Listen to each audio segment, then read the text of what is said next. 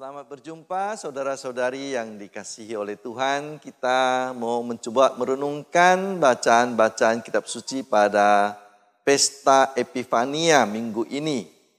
Epifania berarti penampakan Tuhan.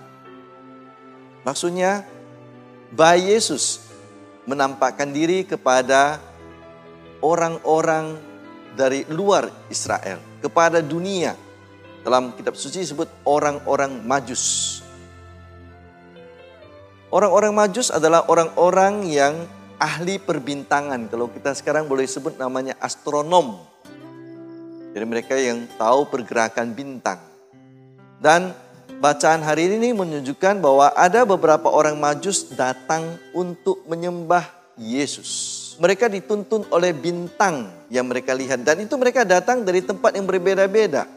Tradisi mengatakan ada yang dari Persia, Iran sekarang, ada yang mengatakan dari timur, mungkin dari daerah Irak sana.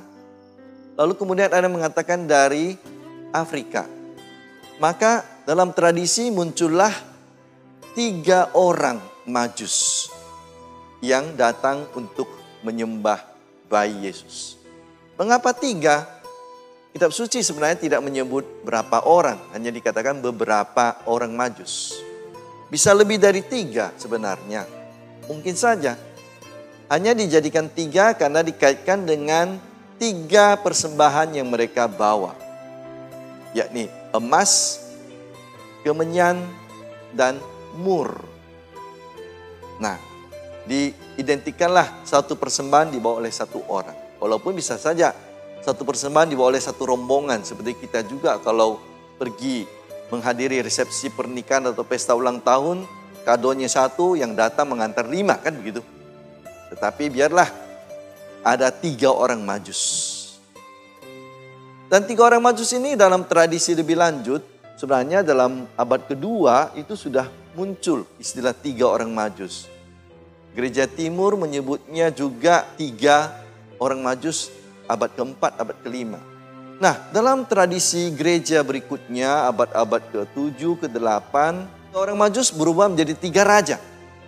Kita tidak tahu mengapa menjadi tiga raja persisnya. Tetapi sebenarnya yang lebih sesuai adalah memang tiga orang majus. Dengan tiga persembahan tadi.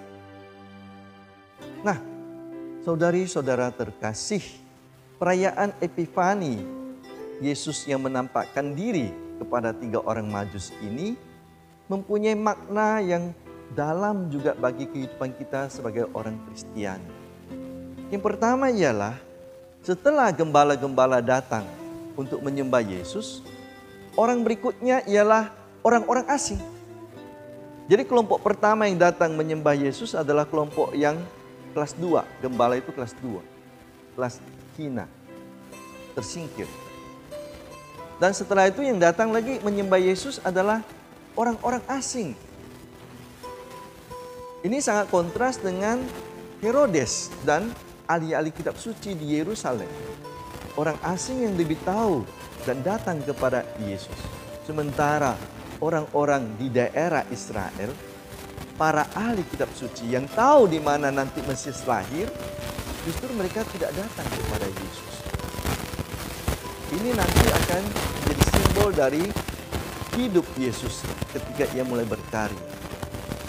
Yesus banyak diterima oleh orang-orang kelas bawah, orang-orang tersingkir, orang-orang yang dipanggil dosa, orang-orang asing, orang Samaria, perempuan dari daerah jauh, Tirus dan Sidon.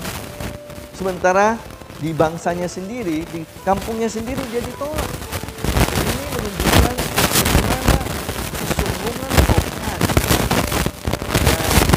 Israel membuat mereka itu terblokir untuk melihat kedatangan Yesus secara istimewa. Mereka menggambarkan Mesias dalam cara mereka sendiri yang harus dalam keadaan megah, meriah, status sosial tinggi. Dan tidak bersedia menerima Yesus Tuhan yang datang dalam status yang tinggi.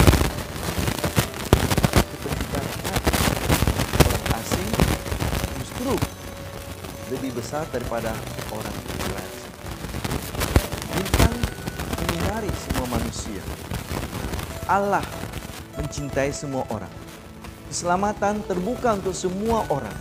Tetapi bangsa terpilih yang sombong ternyata menolak untuk datang menyembah Yesus.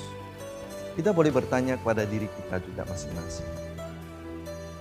Kita menganggap diri dan dibaptis dalam iman kepada Allah Bapa, Putra dan Roh Kudus.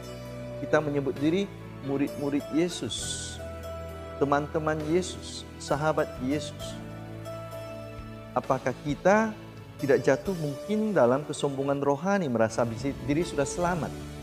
Padahal mungkin banyak orang lain yang kita anggap rendah, bahkan orang-orang yang mungkin uh, pengetahuannya itu kita anggap tidak sepadan dengan kita, justru mampu lebih terbuka kepada Tuhan Yesus. Mampu mendengarkan, melihat Yesus. Dan mengikuti perintah Yesus. Sementara kita dalam kesombongan merasa sudah terjamin keselamatan kita. Ingat Yesus mengatakan bukan orang yang berteriak Tuhan, Tuhan akan selamat. Tapi siapa yang mendengarkan sabda Tuhan. Siapa yang melaksanakan sabda Tuhan. Siapa yang melakukan perbuatan yang baik kepada salah seorang saudaraku yang paling hina ini. Ia telah melakukan yang doa.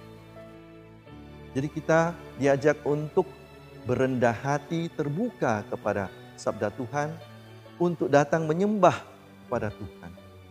Untuk menunjukkan sungguh-sungguh iman kita kepada Tuhan dengan tiga persembahan kita juga. Emas dengan perbuatan baik kita, dengan keutamaan kita. Kemenyan dengan doa-doa dan ibadah kita yang tulus. Dan mur berani menderita untuk membela iman kita. Atau seperti Rasul Paulus juga bisa kita katakan persembahan kita dalam bentuk iman, harap dan kasih. Tiga orang majus pulang melalui jalan yang lain. Maka kita pun setelah merayakan pesta Epifani ini juga tidak lagi hidup dalam cara hidup lama yang salah. Kita ambil jalan hidup yang baru, jalan pertobatan jalan kekudusan. Amin.